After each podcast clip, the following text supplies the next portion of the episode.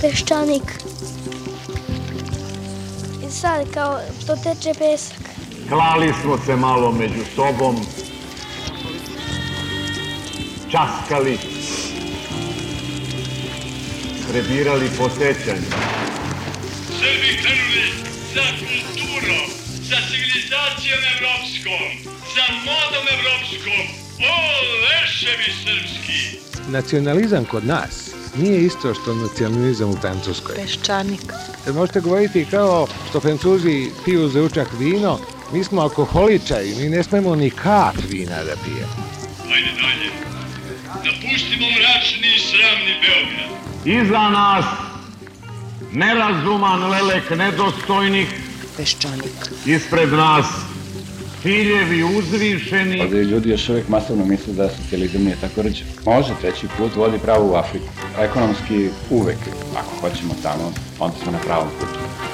iznad nas zver koja nas vodi putevima gospodnjim.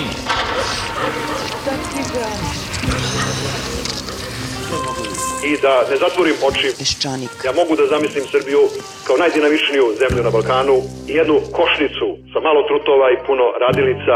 Ako ne uspemo, niko nam neće biti kriv. I dugo smo, dugo još putovali. Dakle, mi smo izgubili 5. oktobar, da tako kažem. Nepredviđeno. Na televiziji vidim da se i rezultat drugog svjetskog rata promenio. Ugleda smo u bistroj vodi naša lica Prema tome, ja očekujem da će Srbija krenuti u nešto novo tek kad pobedi Turke na Kosovo. iznenada briznu smo u plaću. Peščanik.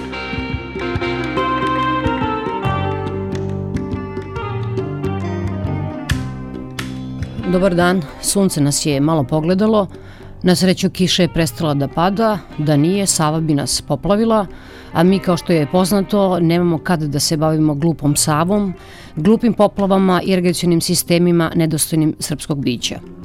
Legendarno bogatstvo kraljice od Sabe od pre nekoliko hiljada godina poteklo je od džinovske brane koja je zadržavala vode reke Adhanat, odakle je sproveden razgranat sistem kanala za navodnjavanje. Usred arapske pustinje imala je plodnu zemlju, gajele začine i izvozila ih u susedne zemlje. Gospođa od Sabe je znala da ide i u diplomatske posete kako bi izdejstvovala da karavani sa njenom robom bezbedno prolaze kroz tu zemlju. U epizodi sa Salomonom, pisci Biblije nisu je ovekovečili zbog njene lepote, već zbog njenog poslovnog duha. Ali mi smo već pokazali da nam Arapi, muslimani i slični nekrsti nisu uzor. To su pre neki dan potvrdili i časni pukovnici naše vojske, preuzevši barjak hrišćanskih krstaša, te macolama svojeručno porazbijaše šehidske nadgrobne spomenike iz 15. i 16. veka i to u dvorištu Vojnog muzeja na Kalemegdanu. Rimljani nisu izmislili rimsko pravo zato da bi nam koštunica sedao na glavi, nego zato što su bili praktični. Mrzeli su hladnoću, pa su izmislili podno grejanje. Nisu imali dovoljno vode za svoje fontane i kupatila, pa su vodu dovodili iz kilometrima udaljenih izvora. Nisu želeli da gaze po blatnjim putevima, pa su ih popločali. Jednom rečju, Rimljani su rešavali svoje probleme. Nisu pribjegavali trikovima, kao neki, umesto da se ko glupi Rimljani mučiš i popločavaš puteve, ti lepo blato proglasiš delom nacionalnog identiteta i onda teraš sve da se u njemu valjaju, a ti nadgledaš da li u tome dovoljno uživaju, da li su dovoljno srećni.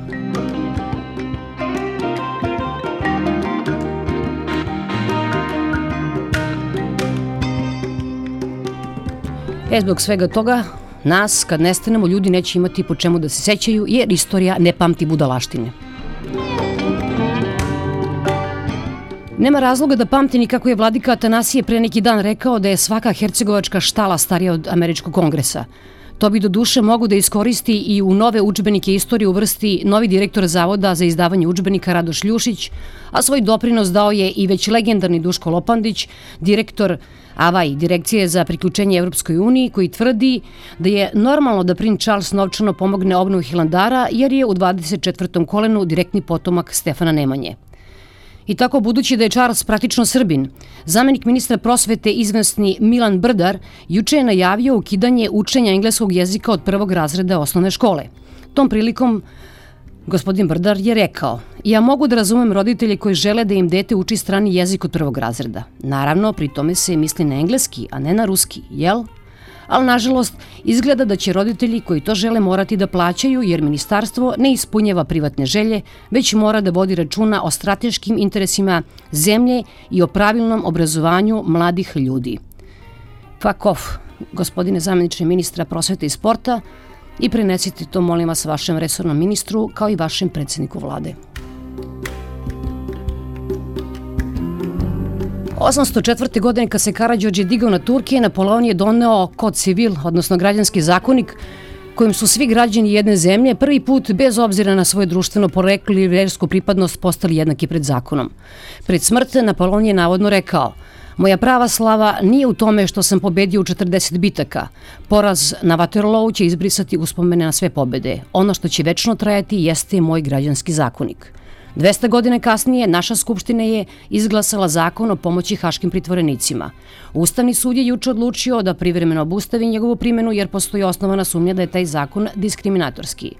VD predsednika Predrag Marković to izgleda nije primetio i nije hteo da se umeša u svoj posao i pozove poslanike da još jednom mućnu glavom.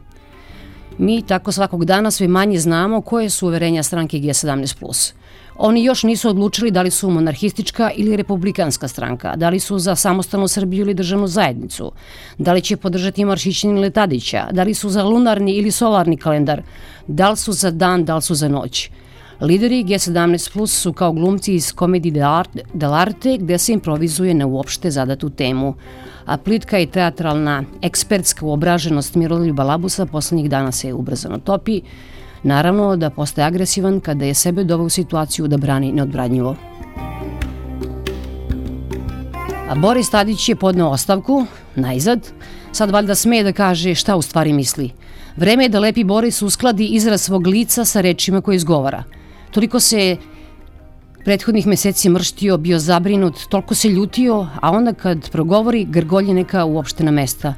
Neka se odluči koji je Boris pravi. Kada je ono postao predsednik demokratske stranke, ispričao je da su, dok je bio mali, u njegovu kuću kod tata Ljube dolazili Čika Dobrica, Čika Mićun i Čika Mihajlo Marković, a da je prekretnicu u njegovom razvoju odigrala knjiga Stranački pluralizam i imunizam Vojislava Koštunica i Kosta Čavaškog. Čekamo da Boris Tadić odluči koji mu je Čika najmiliji, a i da se seti da ima i drugih Čika i teta. 13. juna na predsjedničkim izborima moći će da glasa i dijaspora, ako se samo organizuje i na vreme ažurira spiskove, ako sagradi puno novih konzulata ili osnuje fondove za avionski prevoz do postojećih. Novoizmišljeni ministar za dijasporu sa svoje strane obećao je svakome ko prizna da je Srbin lako dobijanje pasoša i ostalih dokumenta. Evo kako se mladen iz dijaspore proveo pre neki dan u Beogradu. Pa ja sam došao u Beograd da ispuštujem zahtjev ambasade u Kopenhagenu, koja je rekla da su dobili uputstvo od Ministarstva vanjskih poslova da se jugoslovenski pasoši, odnosno pasoši Srbije i Crne Gore, više ne mogu izdavati na adresu u inostranstvu. A pošto ja živim u inostranstvu, ja moram da imam po nalogu iz ambasade adresu u Srbiji, pošto sam državljanin Srbije. Prihvaćeni državljanin Srbije 2001. godine. E sad, kupim avionsku kartu, sjedem na avion, 2000 km pređem, skupim te neke dokumente koji su mi deset puta sam ih zvao da mi kažu šta mi treba, šta mi ne treba, da bi mi recimo dan prije putovanja rekli da mi treba da uvjerenje o državljanstvu ne smije da bude staro više od šest meseci. I sad je frka kako to da se izvadi. Uz neke velike muke, ali se izvadilo. Znači. Da bi ja u subotu ujutro, znači dan posle velikog petka, otišao u MUP u Ljermontovoj, sa velikim ponosom da, da izvadim prebivalište u, naš, u Beogradu. Međutim, tamo je neka druga realnost bila. Onda su mi prvo rekli da mi treba lična karta od vlasnika stana na koji se, na koji se prijavljuje. E, za vlasnik stana je u Danskoj. Ugovor imam. Ja opet pokušavam da objasnim da lična karta nije u Beogradu, nego da je u Danskoj. Da eventualno mogu da zamolim osobu da faksira svoju ličnu kartu. Ne, to ne može.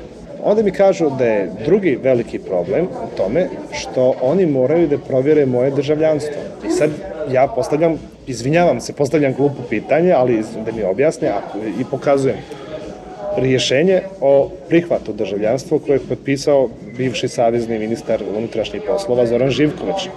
Pokazujem uvjerenje, izvod iz knjige državljana Srbije i Crne Gore koji je star svega dva dana i pokazujem pasoš koji je izdat prošle godine. Ne, to ništa ne važi, nego njihova poslovna služba u MUP-u treba da provjeri da li sam ja državljanin. Znači, svi ti dokumenti koje su izdali, isto republički MUP je izdao dokument, ništa to ne važi. Imam svega par dana da riješim. Oni meni govore da sama provjera državljanstva njima treba sedam dana da provjere da li sam ja upisan u istu knjigu iz koje će oni da provjeravaju. Ja sedam dana nemam. Tako su me, na kraju su me otkačali, ja sad imam takse te što sam platio, podebljao malo republičku, republičku kasu, ali nema, znači ništa nisam mogu Znači, meni u principu jugoslovenski pasoš i ne treba, jer ja imam pasoš Evropske unije, mogu da putujem gdje hoću, bez ikakve vize. Znači, ovo je čisto pitanje nekog identiteta, neke pripadnosti, želje da imaš pasoš zemlje sa kojom se poistovjećuješ. Imam dvoje djece koje bi volio da upišem, ovaj, da budu prijavljeni, znači moram da ih prijavim u neku opštinu i eventualno da dobiju pasoš, ajde. Međutim, sve ovo sad izgleda da je bolje da, da, da, ne, ne počinjem bilo šta, i jednostavno ja sam sad zaključio da meni pasoš traje do 2012. Pa ako Bog da 2012. će biti nešto jednostavnije. Pa da tad probamo, ali sumnjam da ću svoju djecu tada da upisujem. Jer djeca se upisuju dok su mala, nekad imaju 15 godina. Ako budem ponovo dolazio da sredim neki, neko prebivalište, onda će to biti čisto samo za, me, za mene. Ne vjerujem da ću doći da djecu da upišem. Mislim da njima taj haos ne treba. A zna neko gde je moj Koštunica? Nigde ga nema ovih dana, možda je vreme da policiji zvanično prijavimo, prijavimo nestanak predsednika vlade. Sve se nadam da je zauzet selidbom na Dedinje. Neko Koštunici mora da objasni da predsednici vlade žive u rezidencijama ne samo zbog sobstvene, već i zbog bezbednosti građana, naročito u zemlji u kojoj se premijeri ubijaju. Ne želim da, dok prolazim Dorčilom, budem kolateralna šteta neke pucnjave. Ako već moram da živim sa njim, neću s njim i da umrem.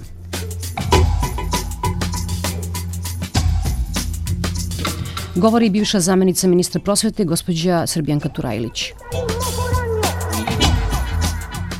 Jednog ovakvog kišnog dana, ali u sumrak, ja ne znam koji to godina može biti. To može biti godina 99. jesen. Sećam se da ste tada citirali Kennedy-a, a se sećam takođe da je na Trgu Republike bilo strašno malo ljudi. Kao neka sekta koja se skupila i neki usamljeni ljudi koji ne, pokušavaju nešto što je praktično već izgubljena stvar. Evo, tada je prošlo već pet godina. Neredko čujemo ljudi da ponovo osjećaju taj stepen usamljenosti i izolovanosti u, u odnosu na, na, na, na većinu građana ove zemlje, u odnosu na vlast u krajnjoj liniji. Delite s na vreme to osjećanje? Delim, nažalost, to osjećanje neprekidno ne na vreme. Da, vlast se zaista trudi da nas vrati u prošlost i ja sam prvo mislila da je problem u meni, dakle da samo ja imam dežavi jer mi se činilo da okolina ne reaguje a onda naravno, prosto je to pitanje možda i osetljivosti. Kad su stvari postale vidljivije, onda je čitav niz ljudi zapravo shvatio ne da uobražavamo da smo to već doživjeli, nego da se prosto vlast trudi da nam skrene pažnju da mi to zaista ponovo doživljavamo. I kao i obično u takvim situacijama čovjek ima potrebu da se suprotstavi, pošto ne vidi još uvek nekakvo e, mogućnost organizovanog suprostavljanja, onda se naravno javlja osjećaj usamljenosti, onda vam se čini da ne znate sa kim i kako ćete se suprostaviti na vreme, jer ono što se nama desilo 88. 9. to je da je strahovito malo ljudi videlo što se dešava i prosto nije bilo snage tada da se suprotstavimo. Kad je dovoljno ljudi to videlo, stvar je bila toliko ukorenjenja da je bilo jako, jako teško izbaciti napad. Dakle, moj paničan strah je da se nama ne desi ta stvar ponovo. Dakle, iz nekog razloga, ova vlada ili pa to krajnjeni cela vlada, većinska partija u toj vladi svejedno, vidim da niko ne reaguje preterano, je odlučila da sve te likove vrati na scenu. Zašto? Teško je reći. Dakle, e, ja naravno ne pripadam onima koji misle da smo u poslednje tri godine imali savršenu vlast. Daleko od toga. Mogli smo imati mnogo bolju, ja čak mislim i da zaslužujemo bolju. Ali šta god da je urađeno, neuporedivo je sa onim što nam je rađeno 10 godina. Dakle, iz nekog razloga, verovatno zato što se bori u istom prostoru, aktualna vlada je rešila da nas natera. Da poverujemo da svo zlo koje nam se ikad u životu desilo, se desilo u poslednje tri godine, a da ono pre toga bila tako neka dečja igra bezazlana, a da bi mi poverili da je to bila bezazlana dečja igra, moraju da se vrate svi likovi na scenu se ponašaju kao da se ništa nije desilo, nikad nije bilo rata, nikad nije bilo Vukovara, nikad nije bilo izbeglice iz krajine, nikad nije bilo bombardovanja Sarajeva, prosto nikad nije bilo mobilizacije, nikad nije bilo ničega, evo svi su tu ljudi normalno živi, zdravi, šetaju se, komanduju, postavljaju uslove i ja samo nadam da to ipak ima drugačiji efekt. Ja se prosto nadam da najveći deo ovog stanovništva kad vidite likove na televiziji ima sličan osjećaj koji ja imam, a to je zapravo mučnina. Ja mislim da to najbolje kako ja to mogu da izrazim. Onog momenta kad je ta vlada pristala na podršku socijalista, u stvari to je jedini potez. Sve ostalo je prirodna posledica tih poteza i skoro da je smešnih spominjati. Zakon o Hagu je prosto prirodna posledica podrške socijalista. Drugi rečima, vlast je nama na neki način pljunula u lice onog dana kad je odabrala da socijalisti budu podrška. Time su sve rekli. Time su rekli, gospodo, jesu, jesu li vas tukli na ulicama? Sigurno ste zaslužili da vas tuku. Jesu li vas jurili? Sigurno ste to zaslužili. Vidite da ste fini, pristojni ljudi i nećemo valjda sad o tome da pričamo. I to je paradigma svega. Sve ostalo je prirodna posledica i skoro da se ja na njoj ne bi ni zadržavala, nekako besmisleno. Naravno, vlast je se ponašala jako čudno u izboru ministara. Imate ljude koji nikada nisu radili posao gde su postavljeni, konkretno mislim na Ministarstvo prosvete, koliko god da se to može shvatiti lično, to su sasvim pristojni ljudi, oni prosto o prosveti ne znaju ništa, i to nije u jednom segmentu, što je krajnje čudno. Imate ove druge, Ministarstvo pravde, od toliko pravnika u ovoj zemlji, zaista odabrati za ministra čoveka koje sudio knjigama i verbalnom deliktu, to je e, sad već šamar u lice – celoj generaciji, više ne ni za ovih 10 godina, to je celom našem životu, dakle celog života, mog 58 godina proganjao nas je verbalni delikt. I onda smo na kraju završili s time da nam čovek koji je sudio, on će sad naravno reći da je on časno radio svoj posao. Nije moglo biti, dakle, nema ničeg časnog u suđenju za verbalni delikt, može, ne mora se biti sudija, može se dati ostavka u sudu ako vam se to baš nametne. Prema tome, nema časti u tome. Uf, obijenje radnji, mladost, ludost, sve to razumem, ali ne razumem da se posle toga mora biti ministra policije. Dakle, ono što mene dodatno na psihološkom planu zanima, zašto ljudi koji imaju tu vrstu prošlosti izlaze na scenu da bi se ona iskopala? Dakle, da li oni zaista misle da je to toliko beznačajno? Ja mislim da nije. E, ruku na srce, ajde sad moram da se vratim korak unazad. Najveća mana prethodne vlade je bilo u tome što se i ona nije baš ponašala kao da je nečeg bilo. Dakle, ona je definitivno marginalizovala jednu grupu ljudi i to je dobro. Ali se iza toga ponašala kao da ta grupa ljudi ne postoji, a ne kao da je ta grupa ljudi odgovorna za niz zločina. Najveći greh prethodne vlade je što je zakopala Batajnicu, kad je ona već jedan put otkopana. I što tad nije otvorila priču o hladnjačama, o zločinima, o onome što je urađeno. Mi danas ne bi verovatno imali ni ovu priču o Hagu više. Da smo imali snage da popričamo o tome šta je u Srbiji zapravo urađeno 10 godina. Zašto to prethodna vlada nije otvarala, ja priznam da sam ja više puta probala da dođem do odgovora na to pitanje i nisam došla. Naravno, jedini mogući odgovor je prošli bi lošije na izborima. S jedne strane ja tvrdim da ne bi, da su uspeli da stvar ispričaju do kraja, narod bi shvatio. S druge strane, zarad istine je neki put dobro i lošije proći izborima, čak i ako bi to bio efekat, jer dogod mi o tome ne progovorimo, mi nećemo postati sređeno društvo. Sigurno to neće desiti za ove vlade koja prosto takođe misli da nije zgodno o tome govoriti, ili čak ona šta gore, ona nekako misli da ako mi o tome ne govorimo, to se nije ni desilo.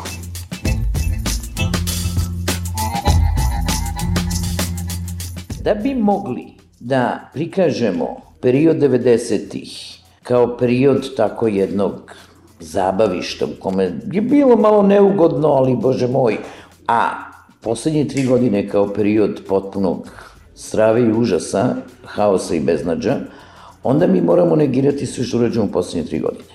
Prema tome, sva ministarstva zapravo su imala nalog manje više, da izađu i da kažu sve što urađujemo u poslednje tri godine ne valja ništa, pa ćemo mi nešto drugo.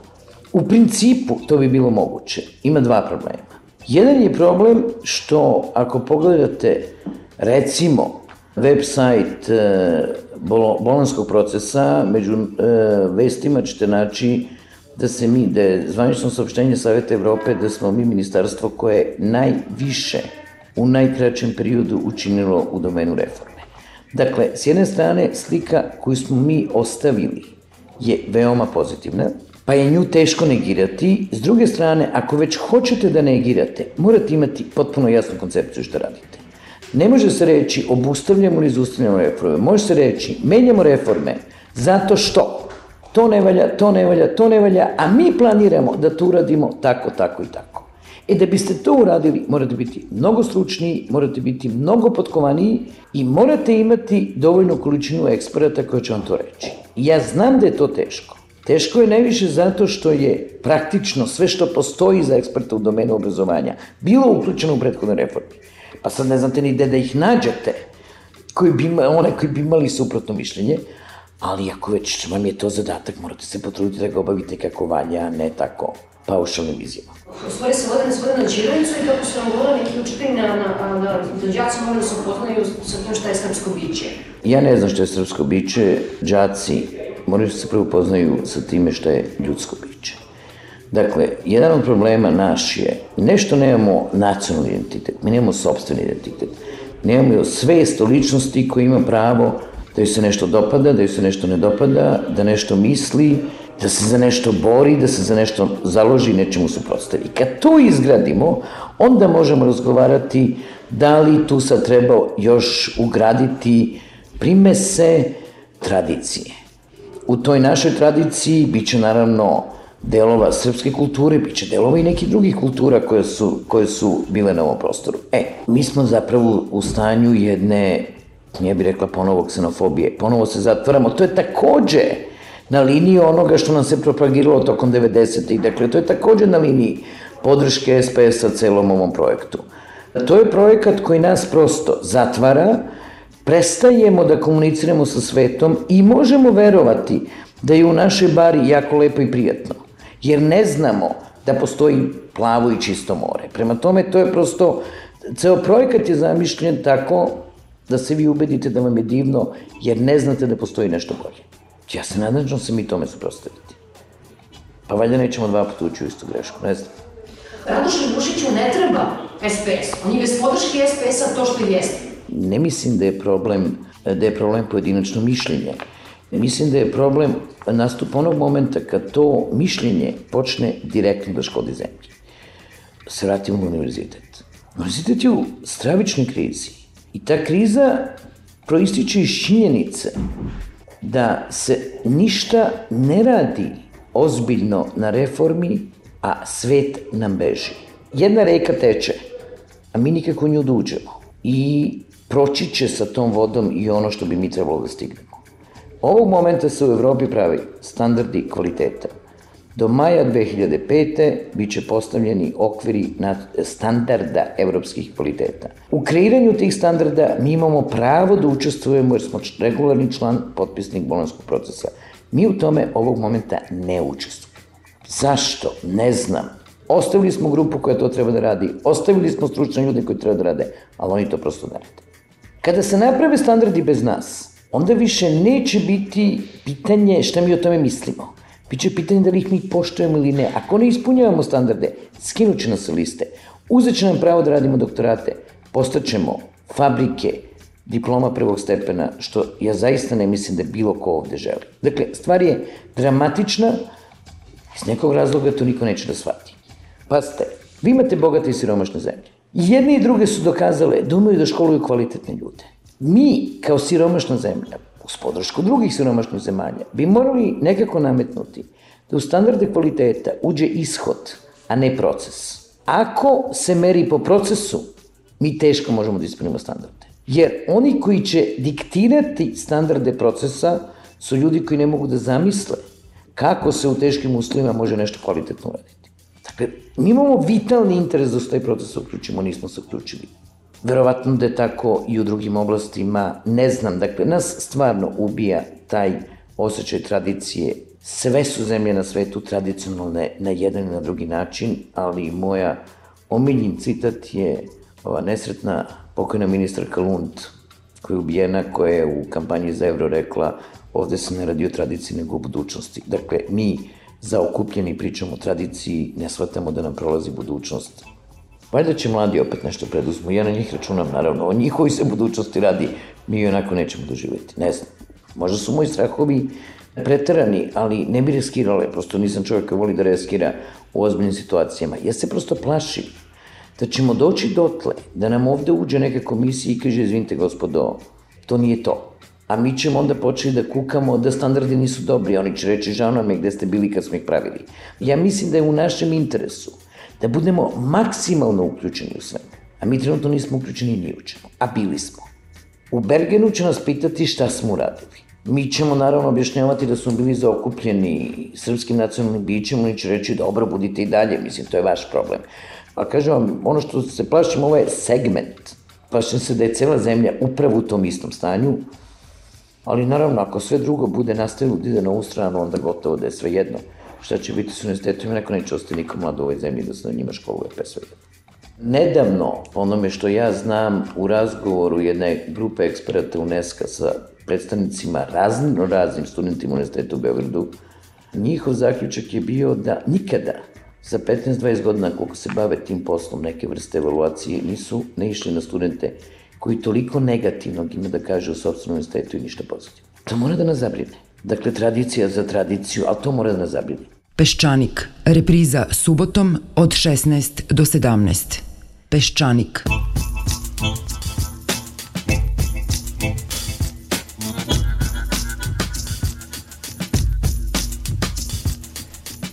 Nastavlja gospođa Srbijanka Turalić.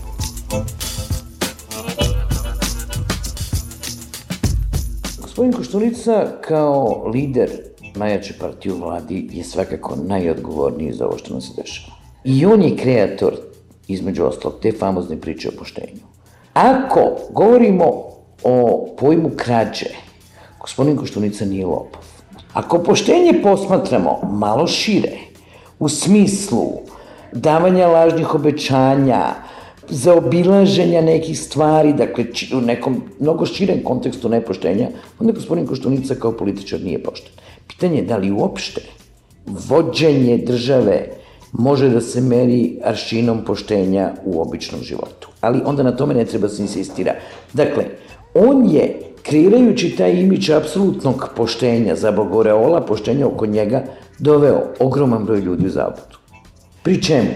Ja ne mislim da je on dovoljno delotvoran, pa iz nedostatka agilnosti okuplja čudne saradnike, ja prosto ne mogu verovati da na čelo javnog servisa, mislim RTS-a, dođe čovek koji je paradigma prostakluka. Uopšte ne ulazim u to. Da li gospodin Tijanić je bio ovde ministar, nije bio ovde ministar, to je sve što se mene lično tiče po strani, on je paradigma prostakluka, a mi ništa od ove zemlje nećemo napraviti dok ne napravimo prvo pristojno društvo. Dakle, tu nema P od pristojnosti. Ja zaista delim strah od gospodina Koštunice kao premijera ove zemlje, koji nam je vratio socijalista na velika vrata, koji sve čini, kao što je rekao pre neki dan gospodin Mičnović, da nam gospodin Nikolić postane predsednik države, koji prosto vodi nas u propast, što je najlepše, ono što mislim da je možda najstrašnije u tome, iz neke lične emocije i suete. Dakle, on lični problem ima, očigledno sa pokojnim premijerom, pa i sa strankom koju on ostavio, i on ima lični problem još sa nekim nizom ljudi i on taj lični problem rešava po cenu opšte propasti. Krajem 90-ih, razgovori sa gospodinom Koštunicom, oni su uvek bili usmereni protiv ostatka opozicije, protiv dešavanja u Crnoj Gori. Vrlo malo zapravo smo mi od njega čuli o aktualnom režimu. Ja uopšte imam utisak da gospodin Koštunica pripada onoj struji koja zapravo misli da je ideja Slobodana Miloševića bila sjajna, samo je on loše sproveo. Pa možda sad, na popravnom, mi uspemo da napravimo te velike srpske zemlje od, ne znam, Tokija do Milvokija, ali ja imam ucek da se nama to dešava, da mi sad kao idemo na popravni. Ono je bilo sjajno, samo što je loše urađeno. Pa ajde da vidimo da li mi to možemo da uradimo bolje i naravno da se nadam da ćemo to zaustaviti pre nego što zapucaju prve puške.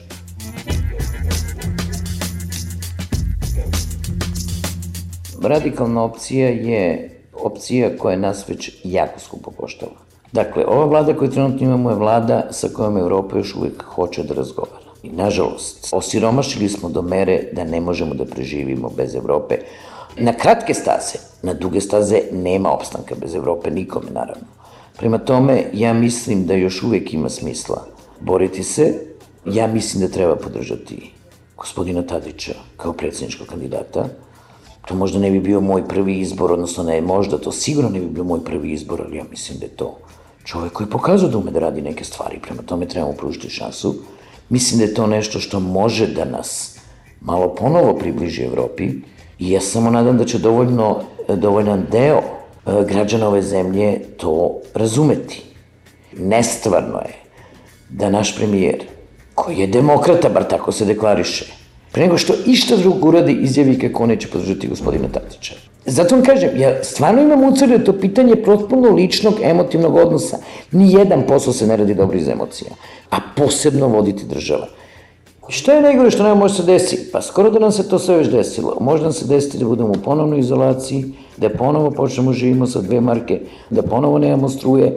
Može se desiti da kad dođemo u to beznađe, neko zaključi da su nam krivi ovi ili oni susedi, ili neka grupa u ovoj zemlji, pa smo malo suzli zemlju, još uvijek ima ova ili ona regija, možemo da zaratimo s tom regijom.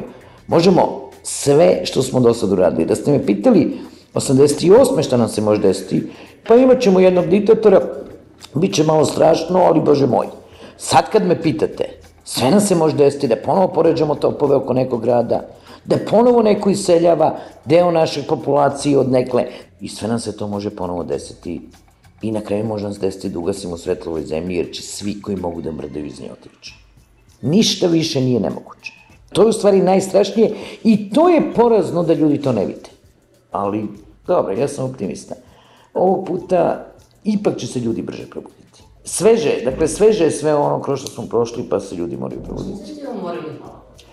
Ja ne mogu da se umorim, naravno. Pa ste, ako bi se sad čovek umorio, onda je sve bilo uzavut sam 15 godina uložila u nešto. I ako kažem, pa sad mi je dosta, sad sam se umorila, onda sam zaista pre 15 godina mogla da šta ja znam, izađem napolje, bacim sveće na tenkove i kažem pa dobro, ajde, to je to i da srećno živim narednih, jel, 15. Prema tome, sad zaista nije vreme za umor, inače je sve uzavu. Sada ćete čuti istoričarku gospođu Branku Prpu. Mogu da vam kažem da u srpskoj istoriji u poslednjih 200 godina zapravo nisu postale toliko neodgovorne političke elite kao što su bile u doba uh, Slobodana Miloševića. Taj primer nemate u srpskoj istoriji. Prosto ne postoji, znate. Vi ste imali političke e, elite sposobnije ili manje sposobne, ali toliko neodgovorne nikad. Vi možete da pratite kroz ceo 19. vek u Srbiji jedan permanentni uspon. Znači, šta je ono što vi birate ko uzor? To je ključno pitanje. 19. vek, kada je Srbija u pitanju, jeste evropski izbor. Od toga kakav ćete, kakav ćete sistem zakona da stvorite, jel? od prvog građanskog zakona 1844. koji je zapravo prepisan austrijski građani, građanski zakonik iz 911. ali sa jednom malim detaljem.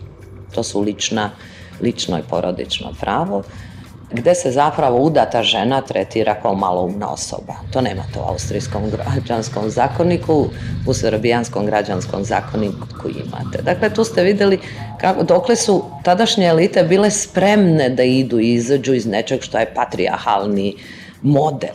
Jel? Zatim, usvajanje svih drugih institucija. Hajde da dođemo na kraju i do nečeg što je prosto ključni trenutak u istoriji 19. veka, to je liberalni ustav. iz 1888. gde se Srbija definiše kao ustavna monarhija. Dakle, ona ni jednog trenutka nije ušla u ideju apsolutne monarhije, mada u 19. veku vi imate apsolutne monarhije u Evropi, pre svega uh, austrijsku monarhiju, odnosno austro-ugarsku monarhiju. Dakle, bira se jedan model koji je tada najuspešniji demokratski model u Evropi. I sad, dakle, kad gledate i kasnije razvoj Srbije, uh, mislim da je jedan od ključnih trenutaka njenog uzlaznog kretanja bio majski prevrat 903.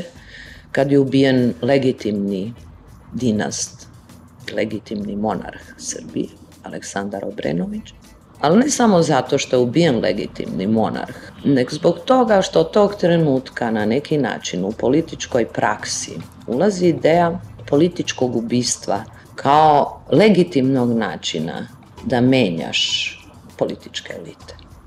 Druga stvar koja se dešava sa majskim prevratom, to je pozicioniranje vojske kao političkog činioca. I to kroz koncept zavereništva. Dakle, politike kao zavere. Ne kao javne, očigledne, što bi se rekao, transparentne delatnosti, nek zavereničke delatnosti.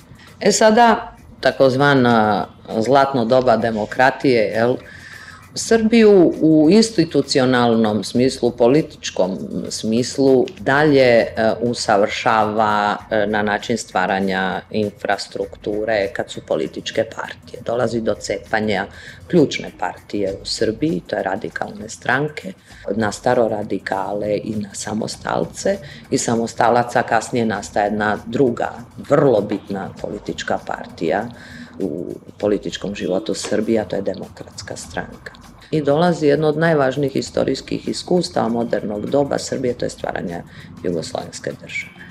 Da znate kako god se krenulo napred u tih 200 godina istorije, tako je ta istorija neprestano presecana nekim velikim globalnim događajima, pre svega mislim na dva velika rata, svetska rata.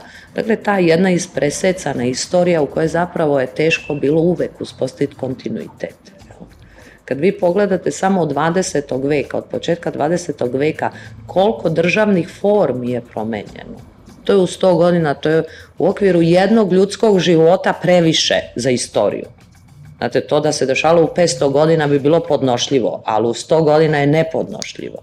Dakle, prosto se jedna ubrzana istorija jednog prostora neprestano lomi, ali prosto je 20. vek protekao u nekakvoj periodima kratkotrajnih stabilnosti da bi se mogao prostor ozbiljno artikulisati u svakom pogledu. Da biste vi institucije mogli artikulisati u svakom pogledu. Znate, država nisu granice, država to su njene institucije. Ovde institucije ne, kraju, ne traju 100 godina, po Bogu. Nemate svest o tome šta ste vi istorijski. I to je jako opasno. Jer, ko što je vama potrebno da znate ko su vam baba, deda, prababa i pradeda, tako je jednoj državi potrebno da ima svoj istorijski kontinuitet. Da te institucije takođe da znaju kojih je osnovo pre, ne znam, koliko godina, pa ko su im bili presednici, pa ko su im bili uspešni, ko neuspešni, šta su postigle najviše, kad je to njihovo zlatno dob. Vi svega toga nemate. Po Kantovoj definiciji država je umna zajednica slobodnih ljudi. Dakle, mi smo svi građani i tvorci jedne države, jer je to naša odluka slobodna i naša odluka koja je plod našeg mišljenja. Dakle, nije država neka abstraktna kategorija koja nastaje van čoveka. Čovek je taj koji stvara državu. U tom kontekstu je, kada su u pitanju ideologije 20. veka, došlo do jedne vrlo značajnih aberacija. To je da smo u 20. veku imali iskustvo totalitarnih država, kako nacionalsocijalizma, fašizma, tako i bolševizma. Pišući u pobunjenom čoveku Albert Camus je na neki način pokušao da objasni kako se to vlada u takvim sistemima. I tu je kao paradigmu uzeo odnos krvnika i žrtve. Suština dakle tog odnosa je u tome što krvnik se u odnosu na svu žrtvu ima samo jedan problem, a to da nije nevin. Dakle, mora da ima problem savesti. Problem savesti e, se rešava na taj način što nevinog treba ubediti da je kriv.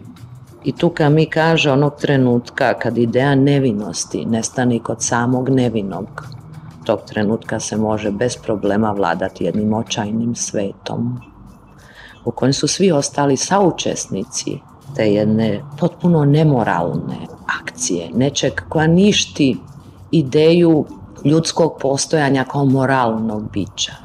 Dakle, ne samo što ste nevinog učinili krivim, nek ste sve ostale kroz njihovo čutanje, jer totalitarni sistemi izazivaju strah ljudi, Prema tome, čutanje ono što je karakteristika totalitarnih sistema i njih ste uveli u tu krivicu.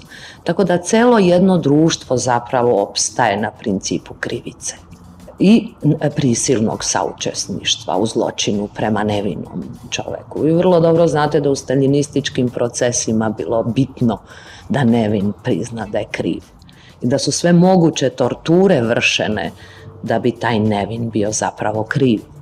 Vi znate da je u nacizmu jel, bilo strašno bitno da objasnite da princip holokausta počiva na prirodnoj krivici jevreja koji su kroz istoriju jel, se pokazali kao niža ljudska bića koje možete da atribuirate svim najgorim ljudskim osobinama. Dakle, ta ideja da neprestano od nevinog čoveka napravite krivim jest ono što je e, na neki način obeležilo istoriju 20. veka i to je jedna od najtragičnijih istorija u istoriji ljudskog roda uopšte. Znate, nije demokratija samo to da li ćemo mi imati pojedinačno pravo da biramo ili ne. Demokratija zapravo počiva na celom korpusu prirodnih ljudskih prava, koja su nadustavna kategorija. Čovjek se rađa slobodan, Prema tome, to su prava koja vam ne daje ni jedan zakon, nego ih imate svojim rođenjem. E, taj korpus osnovnih ljudskih prava jeste ono što čini moralnu kičmu jednog društva i jedne države. Bilo koje od tih prava, ako se ukida, tu kičmu slama. Ono što se nama, što je bilo, mislim, najstrašnije desilo za vreme e, režima Slobodana Miloševića, što je takođe ponovo karakteristika totalitarnih sistema, a to je da celokupno društvo uđe u nihilizam. Nihilizam nastaje onog trenutka kad društvo ukinete ideju budućnosti i kad se sve svedi, svede na preživljavanje od danas do sutra. Jedna od najopasnijih pojava u društvu jeste nestanak ideje budućnosti. I mislim da ako išta ove tri godine na neki način nas ohrabrilo je to što smo ponovo počeli da artikulišemo ideju budućnosti. Ja ne smatram da i, i nove žrtve koje su pale, braneći tu ideju budućnosti, ko što je Zoran Đinđić, treba da nas obeshrabre dalje da tu ideju gradimo, ne toliko zbog nas, nek zbog ovih generacija koje imaju pravo da žive i da ova zemlja, znate, bude zemlja u kojem će ostvariti sve ono što oni smatraju da treba da ostvare. I treća stvar, ko što stoji u, u američkoj deklaraciji o nezavisnosti, u korpusu ljudskih prava jeste pravo na sreću. Za sve ovo što sam rekla, zamislite koliko su odgovorni oni koji upravljaju zemljom.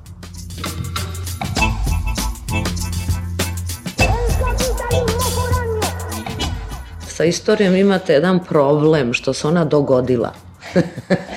I to je egzaktna nauka, počiva na činjenicama i ne možete da ih promenite koliko god žarko želeli. Tako da se ja ne bojim raznih interpretacija istorije prosto zato što se ona jednostavno dogodila i činjenice su jednostavno činjenice i prosto možete vi da radite što god hoćete, da ih ignorišete, da ne znam, pišete ili angažujete cele timove koje će pisati neku drugu istoriju, bojim se da ćete sve to jednog dana morati da bacite u smeće, ko što smo pobacali u smeće našu ideologizovanu istoriju ili istoriju koja je bila selektivna, jel? Dakle, ona ne ostaje kao vrednost, i prosto je onda džaba ste krećili. Kako da vam kažem, ja opet nisam takav pesimista, moram, moram da priznam. Srbija je e, u odnosu na ostale zemlje u regionu u periodu Miloševićeve vladavine u jednom periodu možda najstrašnijem u srpskoj istoriji. Dakle, desila on se izolacija koja se nikad u zadnjih 200 godina nije desila. Sama ta činjenica govori da su on sve ostale političke elite bile pametnije, pa sad mi mislili o njima ovako ili onako, ali ovako nešto se Srbina nije bila nikad pod sankcijama. To je on se desilo prvi put na kraju 20. veka. Znate, u demokratiji nije važna samo država, nego je važno i društvo. U pravim demokratskim sistemima društvo mora biti autonomno u odnosu na državu.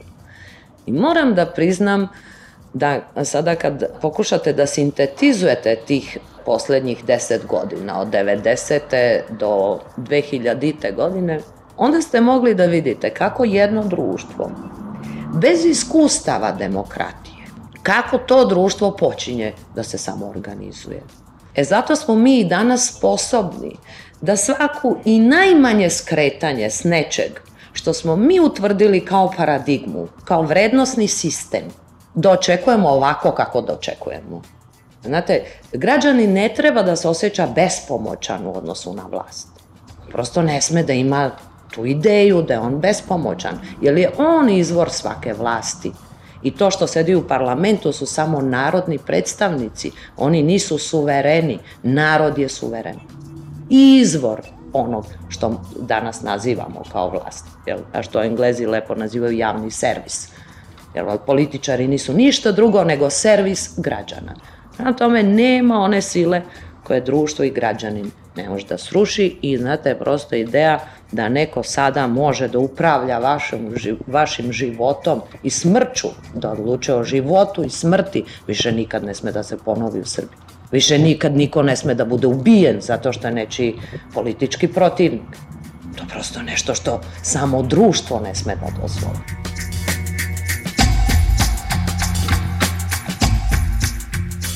Ja ne smatram da može da se dešava u budućnosti ništa slično što se dešavalo u Miloševićevom vremenu, prosto zato što je ovo društvo sada drugačije društvo, prosto zato što su i spoljno-političke okolnosti potpuno drugačije, prosto zato što je Srbija jedna zemlja koja je iscrpila sve svoje resurse, uključujući i biološke resurse znate.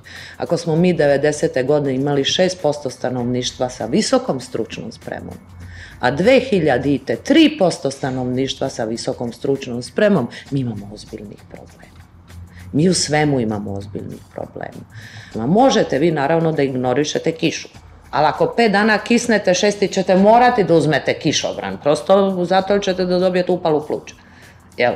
Tako da neke okolnosti vi prosto, bez obzira koja su vaša uverenja, to što mrzite kišobran uopšte nije važno, ali šesti dan će morati da ga uzmete u ruke. Dakle, prosto postoje neke okolnosti koje će vas terati, koje će terati ovu vladu da deluje onako kako treba da radi. Ako to ne bude radila, ona će izgubiti na svim mogućim izborima. Na tome, Znate, prosto ne radi se o tome da li se sad nama sve to sviđa što oni rade ili nam se ne sviđa, nego je pitanje šta će to biti rezultat za zemlju Srbiju, da li će ona da živi bolje. Hoće ljudi u njoj, ono što sam rekla, ostvariti pravo na sreću ili neće, da li će oni da žive u jednoj sretnoj zemlji ili mračnoj zemlji. Da li će energija konstruktivna biti dominantna energija ili će to biti energija mržnje, odnosno destruktivna? Koji je to tip energije koje će jedna vlast da razvije, jel? Prema tome, od toga će zavisiti i njena budućnost i dugovečnost. Što budu bolje radili, duže će trajati. Što budu slabije radili, kraće će trajati. Ali, kako da vam kažem, ajde da vidimo još šta će sve tu da se desi. Ne obećava baš nešto puno, nije obećavajuće, jer kad pogledate sve od reformi pa nadalje, sve to nekako, što bi rekli, ima jedna divna srbijanska uzrečica koja glasi možda bidne ne mora da znači. E, dakle, u tom Znate, možda bidne ne mora da znači vi možete da opstajete još neko vreme, ali posle ta možda ili će da bidne ili će da ne bidne. Mislim, nešto mora da se desi u tom smislu, a niko više nema vremena. I svi pocupkuju. I svi su nervozni. Razumete? Tako da prosto ta vrsta jedne nervozne energije koja je ovako ko oblak nad e, Srbijom trenutno će ipak neke stvari da raščišćava u onom pravcu koji će ipak e, pre svega artikulisati želju građana da žive bolje, jer oni imaju pravo na to. Znate, niko više nema pravo da nas uvede u ono što smo mi preživeli. Niko nema pravo da nas uvede u izolacionizam. Niko nema pravo da nas uvede u ksenofobiju. Prosto nema pravo. Niko ih nije ovlastio za to. Ko što nisu bili ovlašćeni da donesu ovaj zakon o Hagu. Niko ih nije ovlastio. To i nije bila predizborna predizborno obećanje. Zašto to na izborima, dok su se borili za glasače, nisu rekli da će takav zakon da donesu? Na tome, opet da ponovim, izvor svake vlasti je suverena narodna volja i birače ne sme da se laže.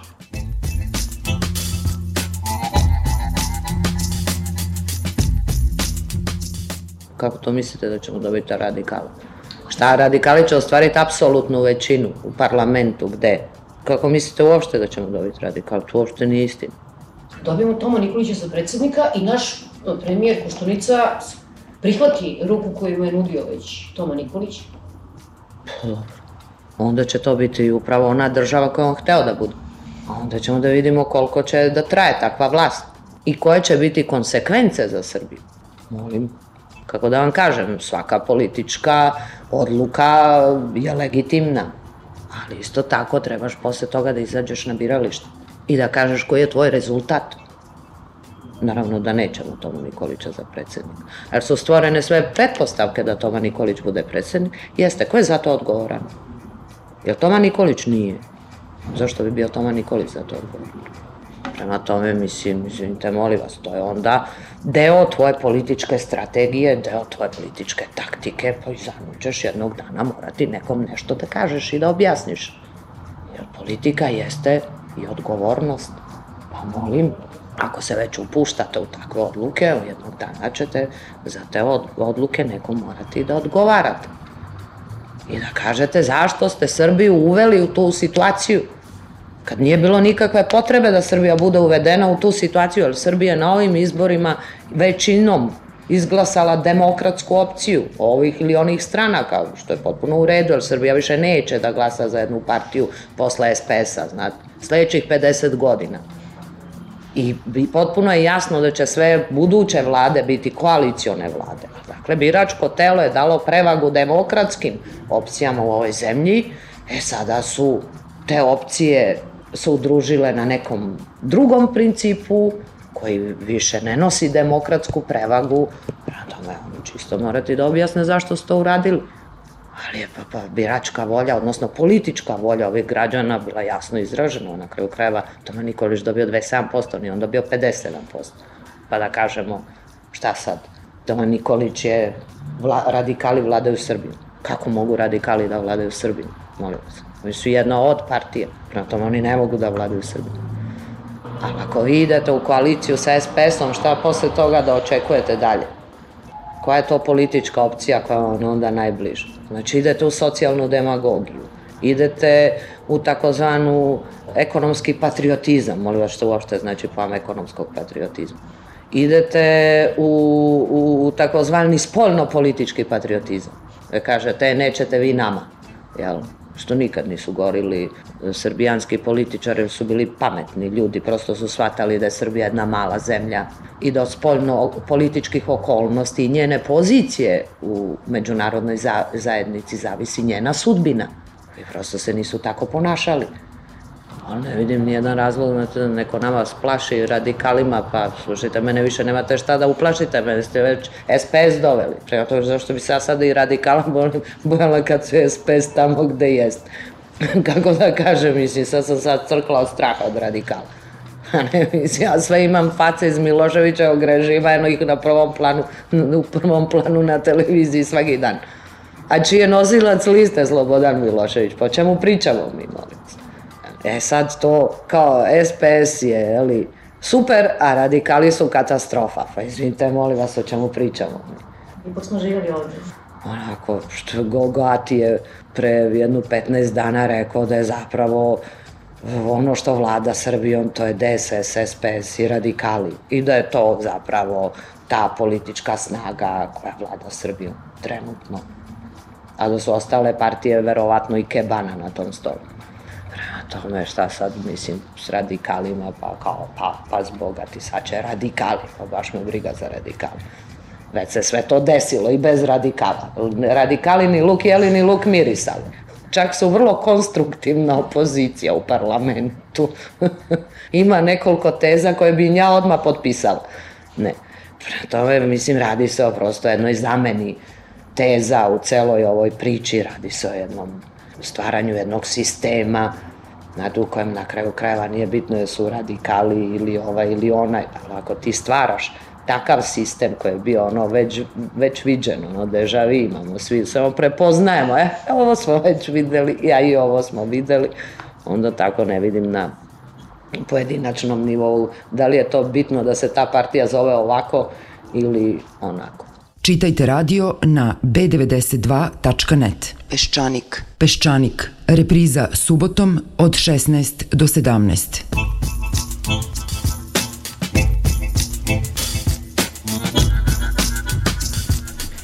Govori Dragan Babić, novinar.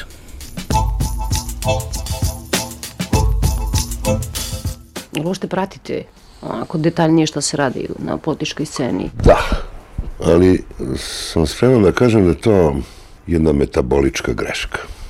To je neka bolest koja se u ovoj zemlji čovjek ne može osloboditi. To je implantirano i čovjek nema nikakvih izgleda da se povuče iz te igre, čak ni kao posmatrač.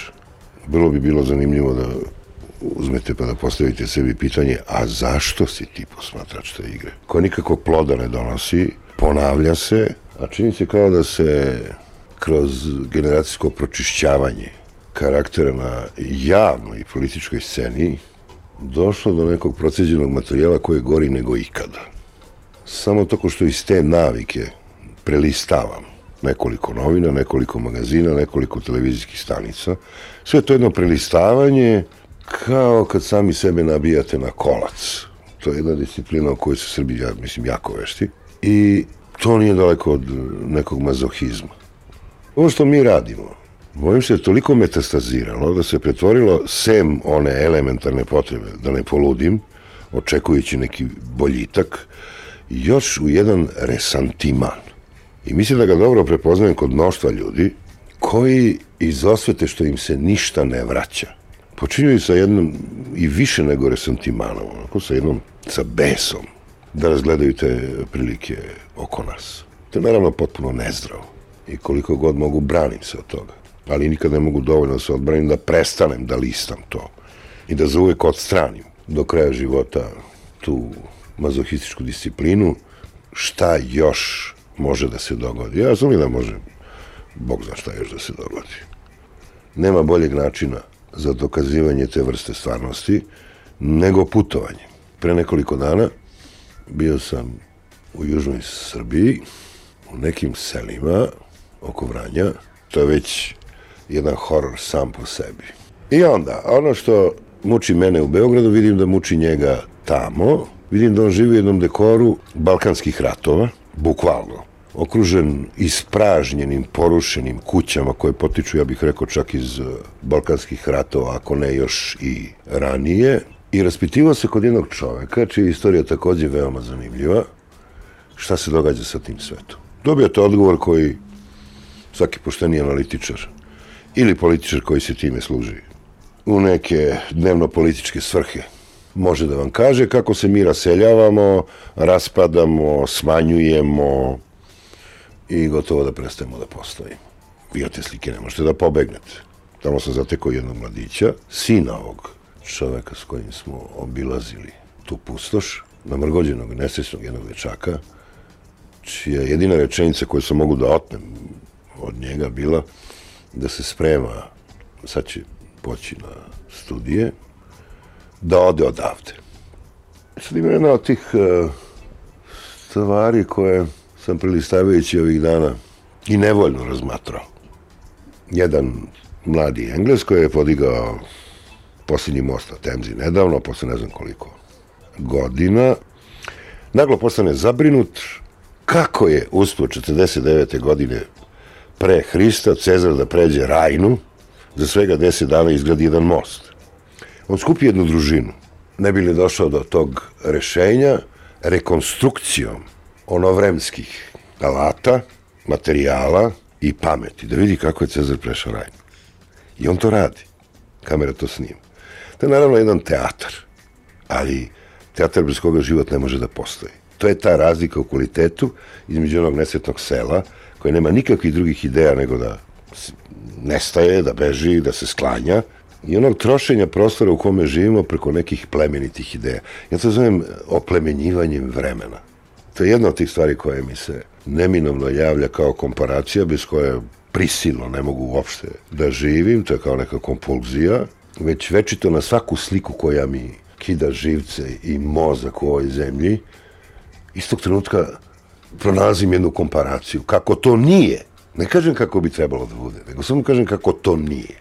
Tih događaja ima toliko mnogo u tom velikom svetu, da mu svakako opraštate sve ono što možete zvati nekim uh, ubrzavanjem, koje zaista jeste strašno, ili već ne znam čime, sve do američke politike u Iraku, do kolonializma, globalizma i tako dalje, već pratite samo onaj napor kod ljudi kao što smo mi, koji pokušavaju da oplemene to vreme. Najstrašnija stvar koja se ovde događa je potpuni izostanak svake primisli o oplemenjivanju vremena, načinu na koji živimo, odnosno kvaliteta života i konačno kvaliteta razmišljanja, preko čega možda jedino možete doći do nekakvih promjena.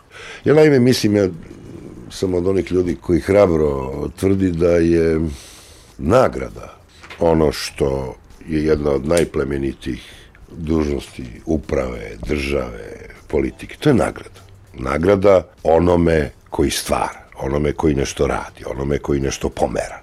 Bez tih nagrada ne, nemoguće je živeti. A mi smo zaista skromni, tako smo naviknuti, tako smo vas pitali. Čak rekao bih da smo u tome i preterano vas pitali, jer to ubija opet onaj, onu takmičarsku potrebu, ubija čak i ambiciju. To je jedna druga, jedna teška, porazna i neoprostivo ružna stvar. Te izostanak ambicije koje mora biti posljedica izostanaka bezbrojnih nagrada u životu koje niste dobili. Možda zahteva tu deskima da bude skroman u iglu i da lovi jednog tuljera ne znam na koliko nedelja, ali u jednom komplikovanom i teškom mehanizmu kakav je danas e, svaka savremena država, ne možete već to terati neke svoje besove, sprovoditi nekakve ludila, neke paranoje, a zaboravljati neprekidno na to da oni koji zapravo čine to društvo, već to ostaju bez nagrade. To je jedno veliko zlo. Onako jedna, jedna potresna sudbina sirotinskih naroda.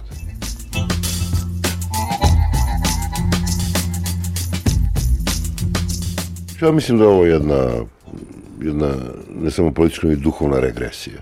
Mi se to jednom trenutku učinilo kao jedan onako stidljiv, nedovoljno dobro naravno promišljen, napor da se dezavujše ono što je radio Đinđi sa svojom administracijom, ne bi li oni uneli jedan drugačiji pogled na stvari. To vidite preko ovog procesa Đinđiću kad ministar policije ovaj kaže sad ćemo mi to iz početka, pa sutra kaže pa ne, nisu me dobro interpretirali. Kad kažu, šta ono još kažu, I reforma obrazovanja, pa onda Reforma obrazovanja, pa nismo i to baš mislili.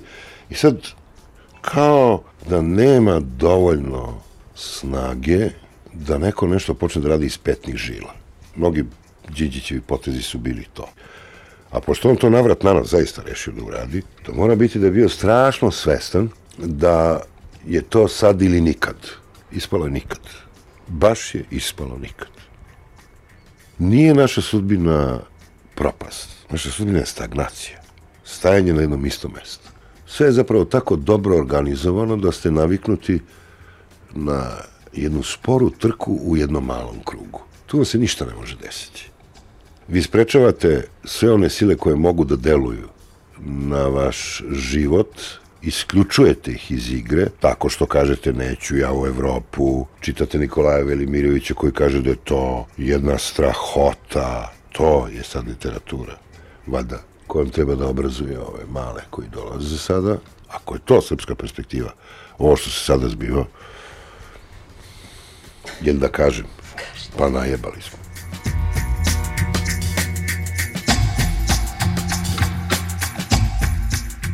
Počeo je i ovaj naš VD predsjednika države, Predrag Marković, kaže ovako, ja bih voleo da do Vidovdana dobijemo ustav. A ja bih voleo da do, ne znam, preobraženja, sretenja dobijemo, ne znam, predsjednika. Su jedno shvatili da čovjek samo govori kod tim kategorijama, kao postoji samo crkveni kalendar, mislim. Ono, da. Se primetili? Zde? Kao da sve što mogu da smislim, smišljam.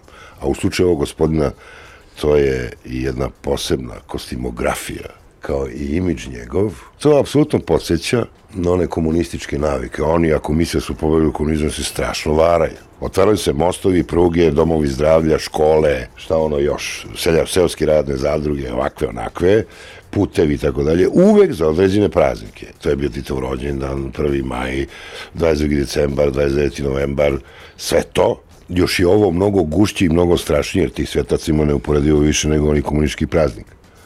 Kod Batića beša onaj Sretenski. sretenski ustav. Ako sad ne bude vidovdanski, koga ćemo da čekamo? Jer on ne kaže, što bi morala posle francuske buržovske revolucije biti suština jednog demokratskog društva, a mi još živimo u Republici, ako se ja ne varam, a to je realizacija jednog uh, osnovnog civilizacijskog zadatka, demokratskog, stvaranje ustava u određenom roku, jer taj rok podrazumeva pretresanje mnogobrojnih zakona, tradicije te namera ovih novih branitelja da nešto stvore. To je potpuno mi sve, će biti šest meseci i godinu dana, ali neka bude šest meseci ili godinu dana. Pa sad ako padne na neki crni petak, šta da radim? To je prosto neshvatljivo. Koliko je sila te inercije u Srbiji, da je nesposobno da kvalifikuje stotinu ljudi, nekih mladoturaka, koji će razmišljati na jedan eh, onako eklatantno politički, modern, demokratski način. Svi ti mladi ljudi, kao da imaju 80 godina. Svi ti mladi ljudi, kao da su revanšisti ponikli u nekim kućama, sad jedan put svi ispadaše kao da su iz nekih poraženih građanskih kuća, što je još jedna velika i strašna laž, nego kao da su potekli iz nekakvih starih crkvenih škola, staroslovenskih, u kojima se učila istorija. To je neshvatljivo. Toliko mladih ljudi, a tako je jedna oskudica u idejama. Koliko među njima ima đaka koji su se školovali na tom trulom zapadu. Koliko ima đaka koji su bili na tim velikim, ozbiljnim demokratskim studijama. Koliko ima putnika među njima, da se opet vratimo na to putovanje. Koji su se ovde vraćali i odlazili i opet se vraćali i opet odlazili i gledali tu promaju koja neprekidno duva kroz glave ljudi u formi fantastičnih ideja. I uvek se vrate na, na taj tradicionalizam uvek ti spasovdani, vidovdani, sretenja, već to je isto. To je onako jedna neprilično neutešna stvar.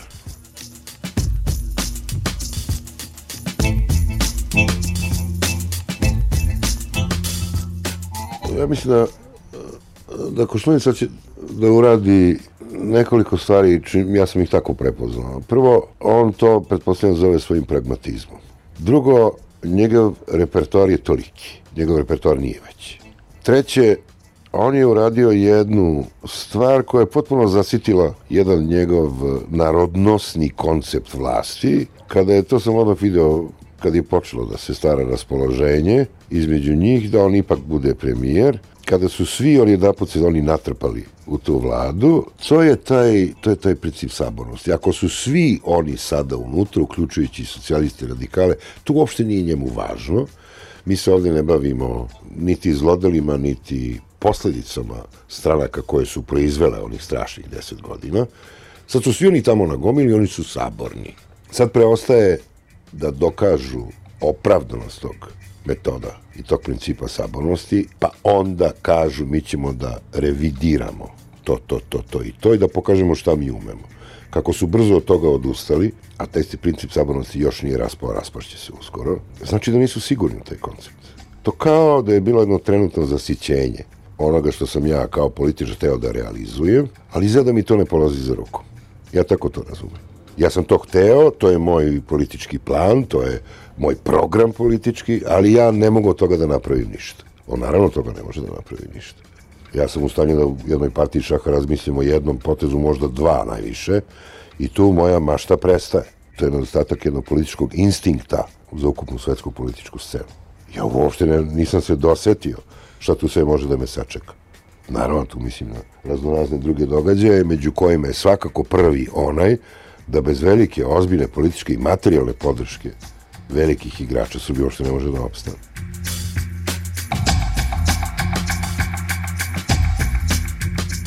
To je ona krasna knjiga, zbolo bi ponovo sad da je pogledam. Ištva Biba, Beda malih naroda. Nisu ni sposobni da izluče dovoljno odlučnosti u zamišljanju sobstvene sudbine. Jer su zbunjeni. Neko je još i mnogo staloženiji i manje afektivan nego što je Đinđić koji se napregao iz petnih žila da uradi nešto što niko pre njega nije uradio i da trči jednu disciplinu za neko svetsko vreme, iako znamo da ovde prvo treba postati neki balkanski rekord, pa posle toga ćemo da vidimo šta ćemo s tim svetskim rekordima. I on je tu stradao. Sad se traži neko ko je u suštini čovek takve ideje, ali veće političke lukavosti. Jer je ovo bilo prenadražljivo, bilo je preopasno, bilo je suviše preteće. Preteće je bilo. Da bi to izdržali oni u politici koji ne misle kao on i ona većina birača, ni ona to takođe nije htela. Nisu hteli to. To je prebrzo bilo je strašno izazovno. Tu se od mene zahtevaju neki napori koje nisam sposoban da, da izvedem. Pogotovo što i morate već to da ucenjujete ljude, to je ona kocka šećera koju mu moraš dati da on človi. Ako mu to ne daš, neće on. On se duri. Nije mu dobro.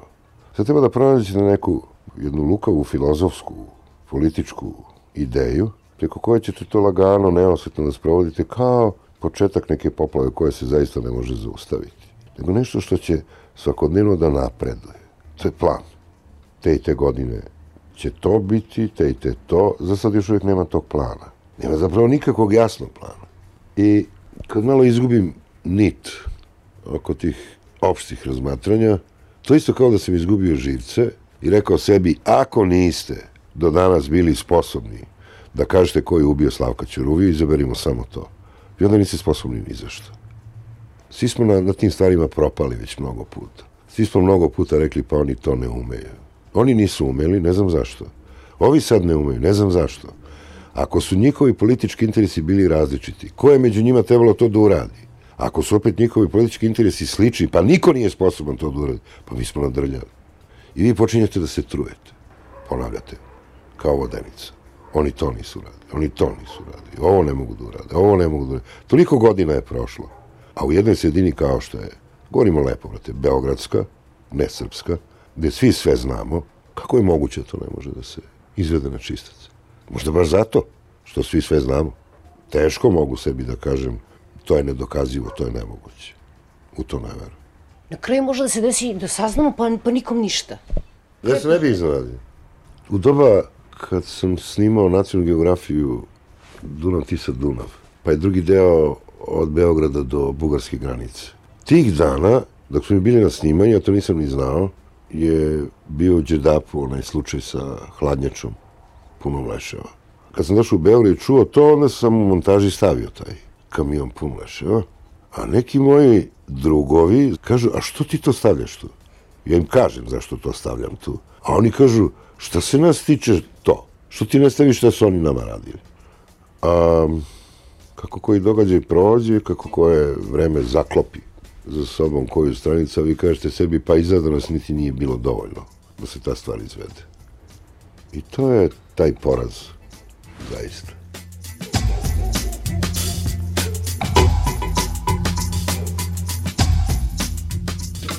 Milošević je izručen.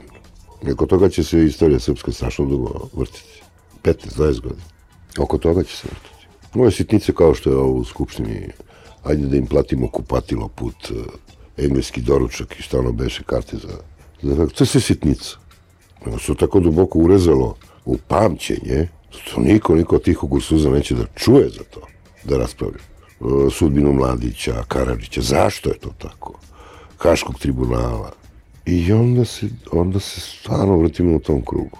Ne znam koji su to napori sada potrebni, da se pojavi neka veoma odlučna, i ne jedan čovek, nego neka škola. To, to mora biti zaista neka klasa, kako ti neka velika klasa na nekoj akademiji i počne da radi te poslove. A na ovaj način ovo vrckanje, dodvoravanje, vraćanje, ugađanje, to ne, ne, neće daleko da nas vodi. Samo će više da zbunjuje i stvarat će još više novih problema, pa će onaj koji bude dolazio, kogo daje jednog lepog dana, i to imati da rešava. Nećemo dakle imati ono prva etapa, druga, treća, prvi, drugi, treći čin, epilog, nego stalno se igra u jednom činu, jedna jednočinka bez kraja i konca. Se vrti satima, danima, mesecima, pod vedrim nebom. Hoćete vi, Dragane, da izađete na izbore? Ne znam, negde javno se obavezao, ne, ne znam više da sam to rekao, i sad ne mogu sebi da skačem usta, naravno ću morati da izađem na izbore. Moram da izaberem koga bilo tamo. Naravno da ću da izađem na izbore. Mada mi je ovo to puta teže nego, nego pre kad mi se činilo da smo na dohvat ruke. I da mi, bože moj, evo najzad. Sad je ovo jedna depresija. Ali izgleda da je naša dužnost u tome da i u depresiji činimo ono što treba da činimo, ono što moramo da činimo. Da, naravno, izaćemo. Bilo bi lepo kad bi mogli da vidimo sa života rezultate. Neki. Se Znam ja, obraduje malo. znam ja da biste volili da vidite se obraduje. Kaži mi kako je ovo lepo, vidi kako je ovo dobro. Nedavno mi je, nažalost, malo to na pamet. Da zidanje skadra na Bojani nije slučajno napisano. Hoćete tako završim? Iz kog je to mozga izašlo? Zidanje skadra na Bojani. Pa to nije španska, andaluzijska narodna pesma. Srpska. Zidanje Bojani.